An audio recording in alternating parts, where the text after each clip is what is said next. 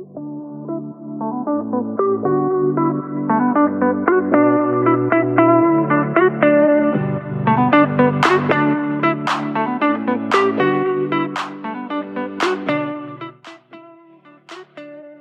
ik natuurlijk gewoon super eerlijk en realistisch wil zijn, wil ik het met je hebben over wat je kan doen wanneer het niet zo soepel loopt als gehoopt.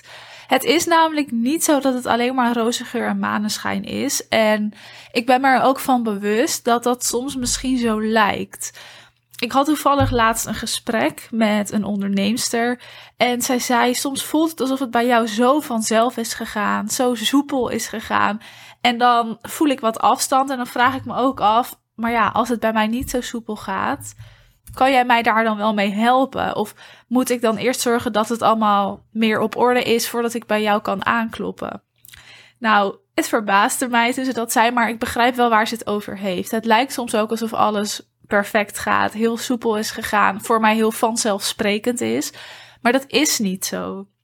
En dus ga ik je deels meenemen in wanneer het bij mij niet soepel is gegaan, wat ik toen heb gedaan, waar dat aan ligt, wat er allemaal gebeurd is, welke keuzes ik heb gemaakt. Maar ook om voor jou een stukje herkenbaarheid te creëren, omdat ik zeker weet dat de situaties waar ik in heb gezeten, jij ook in zit of hebt gezeten, of misschien ooit nog in terecht gaat komen. En dan is het zonde als dit nooit benoemd is. Ik vind ook dat hier veel te weinig over gepraat wordt. Dat het altijd gaat over wat er goed gaat, welke omzetten er gedraaid wordt, hoeveel persoonlijke ontwikkeling er al gedaan is. Terwijl er heel veel stappen daarvoor zijn. En het maakt ook eigenlijk niet uit waar je staat. Want of je nou startend bent, of dat je nou gevorderd bent en al omzetten draait, er zijn altijd struikelpunten en onderwerpen die weer terugkomen of opkomen als je naar bepaalde fases gaat. Binnen je bedrijf, binnen je persoonlijke ontwikkeling of gewoon in je privéleven. En daarom deze aflevering. Een kwetsbare aflevering. En ik heb ook even getwijfeld, moet ik dit opnemen? Wat wil ik wel en niet met je delen? Maar we gaan het gewoon doen. Dus bij deze, wat moet je doen als het niet zo soepel loopt als gehoopt? Als eerst wil ik jullie meenemen in mijn reis. Het is namelijk zo dat ik echt ontzettend veel fouten heb gemaakt. Dat ik heel veel angsten heb moeten overwinnen. Dat ik soms te grote stappen heb gezet, soms juist geen stappen heb gezet. En dat ik daarin echt, nou, een heel proces ben doorgaan. Het is bij mij alles behalve vanzelf gegaan. Laten we dat voorop stellen. In het begin had ik onwijs moeite met sales doen en vooral ook keuzes maken. Dus hè, wat wil ik nou echt? Ik heb daar echt overheen moeten stappen en door angsten heen moeten gaan en moeten zeggen tegen mezelf: Mies, je gaat het nu gewoon doen. Daarin heb ik ook hulp gezocht. Dus ik heb niet altijd alles alleen gedaan. Ik heb wel ongeveer de eerste twee jaar van mijn bedrijf alleen gedaan. Dat was ook echt toen ik het uitvoerende werk deed. En toen ik besloot om te gaan coachen. Dus jou te coachen naar een succesvol bedrijf toen heb ik gedacht: oké, nu moet ik zelf ook wel echt aan de slag. En dus neem ik bijvoorbeeld een coach in handen. Ga ik een gesprek met iemand aan? Nou ja, ga ik zelf ook door bepaalde processen en angsten en onderwerpen heen om de beste coach te worden. Want als ik dat zelf niet doe, dan kan ik niet verwachten van mijn klant dat zij dat wel doen. Dus ik heb die hele reis gemaakt met weerstand ging absoluut niet makkelijk. Maar ik heb het wel gedaan. En ik heb ervoor gekozen op dat moment om dat te doen. En dat is de allereerste stap. Als jij ervoor kiest, ik ga dit doen. En hè, wat er ook gebeurt, ik ga ervoor. Dan ga je het doen. Dat betekent niet dat het makkelijk voor je gaat zijn. Maar dat betekent wel dat jij ervoor kiest op dit moment om het te doen. En als jij ervoor kiest en ook trouw bent aan jezelf, dus je weet ik kan mezelf vertrouwen en ik kan op mezelf bouwen, dan weet je dat het gaat gebeuren. Of dat dan een maand duurt, een jaar of misschien wel vijf jaar, dat is niet erg. Maar jij hem kiest ervoor en je gaat ervoor. Nou, ik koos ervoor en dan doe ik er ook alles aan. Ik weet dat ik op mezelf ook kan vertrouwen en kan bouwen. Dus daar ging wel wat tijd overheen. Maar nogmaals, maak de keuze om het te doen of om het niet te doen, dat is ook oké. Dan ga je je bedrijf bouwen. Dan gaat het niet altijd even soepel. Ik zei net al, ik heb veel fouten gemaakt. Ik heb soms echt te grote stappen gezet. Dat ik dacht, ik kan dit, ik ga dit doen. En dan ga ik ervoor. En achteraf dacht ik, hmm, misschien had ik dit toch niet zo moeten aanpakken. En soms heb ik dus juist geen stappen gezet. Waarbij ik nu denk, hm, had ik dat maar gedaan, dan was het waarschijnlijk een stuk soepeler gelopen. Nou, een voorbeeld. Ik heb in het begin best wel getwijfeld over mijn doelgroep. En waardoor ik ook tegen de verkeerde doelgroep praatte. Dus dat heb ik echt helemaal ondervonden. En daarin durfde ik ook niet te kiezen voor de groep die ik wou bedienen. En dit is wat ik heel vaak terugzie bij mijn klanten. Toevallig had ik het hier gisteren nog met, uh, met een potentiële klant over tijdens een kennismakingscall. Zij wil zich wel heel graag op een doelgroep focussen waar ze zich misschien ook nog niet helemaal bewust van was.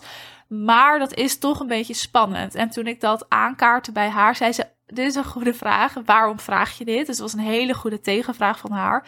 Toen legde ik dat uit. Hè. Ik voel dit bij je, ik zie dit bij je en ik hoor aan alles wat je zegt dat jij verder kan en meer kan dan dat je nu doet. En dat zet haar ook weer aan het denken. Dus daarin mag je jezelf ook afvragen: is wat jij nu doet het juiste en wil je dat echt? Of doe je dat omdat het veilig is en veilig voelt? Daar zit echt wel degelijk een heel groot verschil in. En als jij dus merkt en hebt nagedacht en erachter komt, ik doe dit omdat dit nu nog veilig is, dan mag je dus groter gaan denken en groter gaan doen vooral. Want alleen groter denken is niet genoeg, je moet ook groter gaan doen.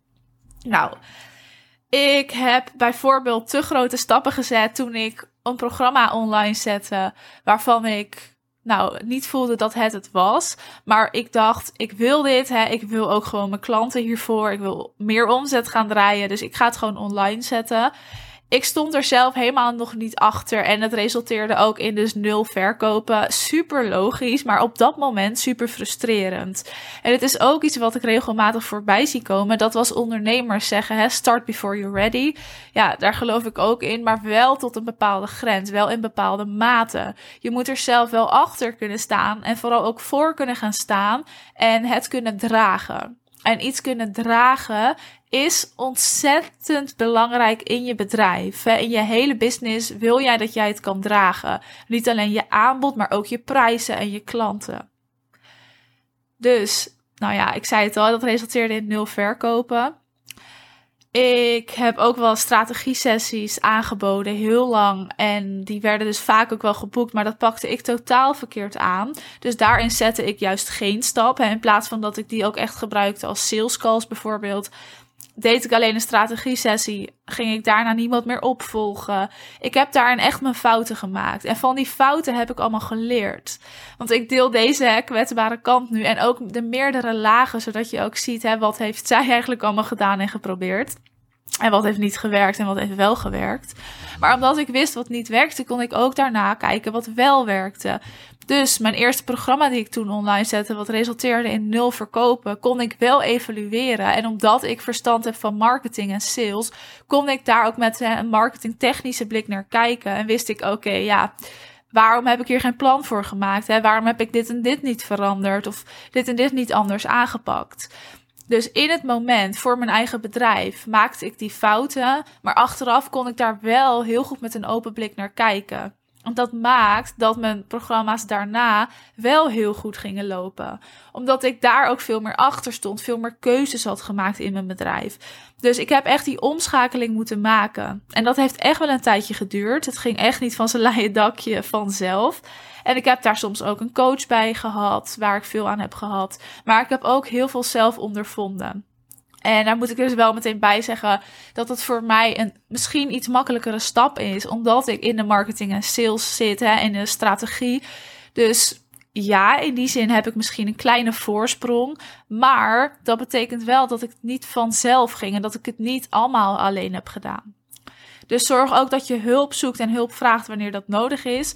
En vraag je je af bij wanneer wil ik wel of niet met een coach werken. Daar heb ik laatst nog een aflevering over gemaakt. Dus ga die vooral even luisteren, want ik raad het je absoluut niet altijd aan om met een coach te werken. Maar goed, ik zit even na te denken over wat ik misschien nog meer verkeerd heb aangepakt in het begin. En waar nou echt de lessen voor mij zaten. Het zat ook heel erg in mijn positionering, die ik totaal verkeerd aanpakte. Ik deed in het begin maar wat. Wat eigenlijk super gek is, achteraf gezien, omdat ik er heel veel verstand van heb en ik precies weet wat ik moet en kan doen. En toch deed ik het niet.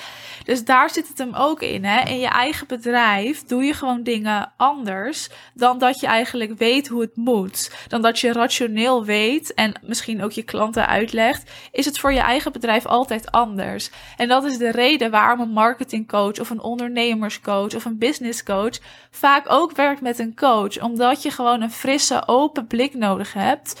Verfrissende, vernieuwende ideeën. En dat je met iemand kan sparren. Ik heb ook klanten die zelf bijvoorbeeld ondernemersmentors zijn. Of in ieder geval ondernemers bedienen en hen helpen naar een succesvoller bedrijf. Dus je kan dan jezelf afvragen, maar doen jullie in de basis niet hetzelfde? Dat is sowieso niet zo, hè? want vaak is het toch net wat anders gericht. Hebben we onze eigen werkwijze, onze eigen specialisatie. Dus ik geloof dat elke coach anders is. Maar in feite kunnen we dezelfde belofte hebben. Dat hebben we niet, omdat we bijvoorbeeld een net wat andere doelgroep hebben en een andere werkwijze, nogmaals. Maar het is mogelijk. En toch komen die mensen bij mij om geholpen te worden. En toch kom ik ook weer bij iemand om geholpen te worden. En zo kunnen we elkaar juist weer versterken hè, in elkaars bedrijf. Nou heb ik natuurlijk ook heel veel klanten die een hele andere doelgroep hebben. Dus laten we dat voor opstellen. Maar het komt wel voor.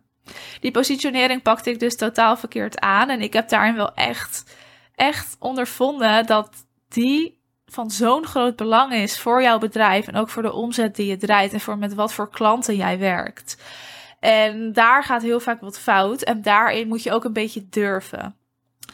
Maar dat heeft er dus wel weer in geresulteerd dat ik nu wel precies weet wat er wel en niet werkt. Voor mijzelf, maar ook voor mijn klanten. En het voordeel dat ik al deze fouten heb gemaakt en ook de angsten heb overwonnen. En dat het eigenlijk niet soepel ging voor mij. In vergelijking met hè, bijvoorbeeld andere coaches die binnen twee maanden 20k omzet rijden. Wat ik sowieso wel eens betwijfel. Maar laten we dat um, daar niet nu over hebben. Wat het voordeel daarvan is, is dat ik weet waar jij doorheen gaat. Dat ik weet wat jij voelt. Dat ik ook het jou kan uitleggen en ook mijn situatie aan je kan voorleggen en kan zeggen: luister, ik ben hier ook doorheen gegaan en kijk waar ik nu sta. Je moet er even doorheen. En dat is makkelijker gezegd dan gedaan. En dat is precies de reden waarom je er soms hulp bij moet zoeken en hulp bij nodig hebt. Dat is zelfs veel slimmer en veel efficiënter om te doen dan dat je het allemaal zelf maar gaat doen. Je mag even zelf vliegen, zelf water trappelen, maar wel tot een bepaalde hoogte. Wees je ervan bewust dat het op een gegeven moment gewoon verstandiger is om te zeggen: Oké, nu ga ik iemand zoeken die mij kan helpen. Dat heb ik ook gedaan. En ik heb ook heel veel wel zelf ondervonden, maar zorg dat je daar een fijne combinatie in gaat zoeken. Ik heb het nu heel veel gehad hè, over de marketing en de sales en dat soort dingen. Maar er zijn natuurlijk ook heel veel overtuigingen geweest. Hè, aan de achterkant ook van mijn bedrijf. Uh, ook automatiseringen, maar ook gewoon in mijn eigen hoofd en mijn eigen gevoel. Misschien het gevoel dat je niet goed genoeg bent. Of dat je het nog niet kan dragen. Of dat je er zelf dus nog niet heilig van overtuigd bent dat jij dit waard bent. Dat zijn wel allemaal onderwerpen die spelen bij echt, geloof me, elke ondernemer. Waar je wel doorheen moet, waar ik ook doorheen heb gemoeten. En hè, in deze fase zijn er weer overtuigingen die naar boven komen, of misschien oude stukken juist die weer komen opdrijven. En zo blijft dat doorgaan in elke fase van je bedrijf. Maar ook hierbij geldt, omdat ik er zelf doorheen heb gemoeten. En ook wel eens met iemand over gepraat heb, hè, om daar dus weer in een andere vorm hulp bij te zoeken, weet ik ook waar jij doorheen gaat en voel ik dat ook. Dus ik weet ook dat het niet makkelijk is. Ondernemen is niet altijd makkelijk, maar wel onwijs leuk en een onwijs leerzaam en een ontzettend groot groeiproces. Dus wees daar je ook van bewust. Ik deel dit dus met je om te laten zien dat elke ondernemer hier doorheen gaat. Maar ook om je te laten zien dat ik weet waar jij doorheen gaat en dat ik je daarbij kan ondersteunen. Als je dat nodig hebt en als je daar ook voor open staat. Dat het voor mij ook niet allemaal makkelijk ging en dat ik er ook echt niet van uitga dat dat bij jou zo is. Voel je deze aflevering en resoneert het ook vooral? Plan dan je call met mij in. Dat kan nog, dat kan nog eh, heel lang natuurlijk. Maar dan ga ik heel graag met je in gesprek. Dan gaan we eens kijken wat er bij jou speelt en wat er bij jou zit. En hoe we dat kunnen gaan aanpakken om die groei te gaan realiseren. Om van die kijkers kopers te maken met de minimale kosten. We gaan dat volledig organisch bekijken. We gaan naar je marketing- en salesstrategie kijken sta je hiervoor open, dan eh, spreek ik je binnenkort heel graag. En is dit nog niet jouw moment, dan is het helemaal oké. Luister dan lekker de afleveringen, schrijf mee en doe er wat mee. Want daar is deze podcast voor.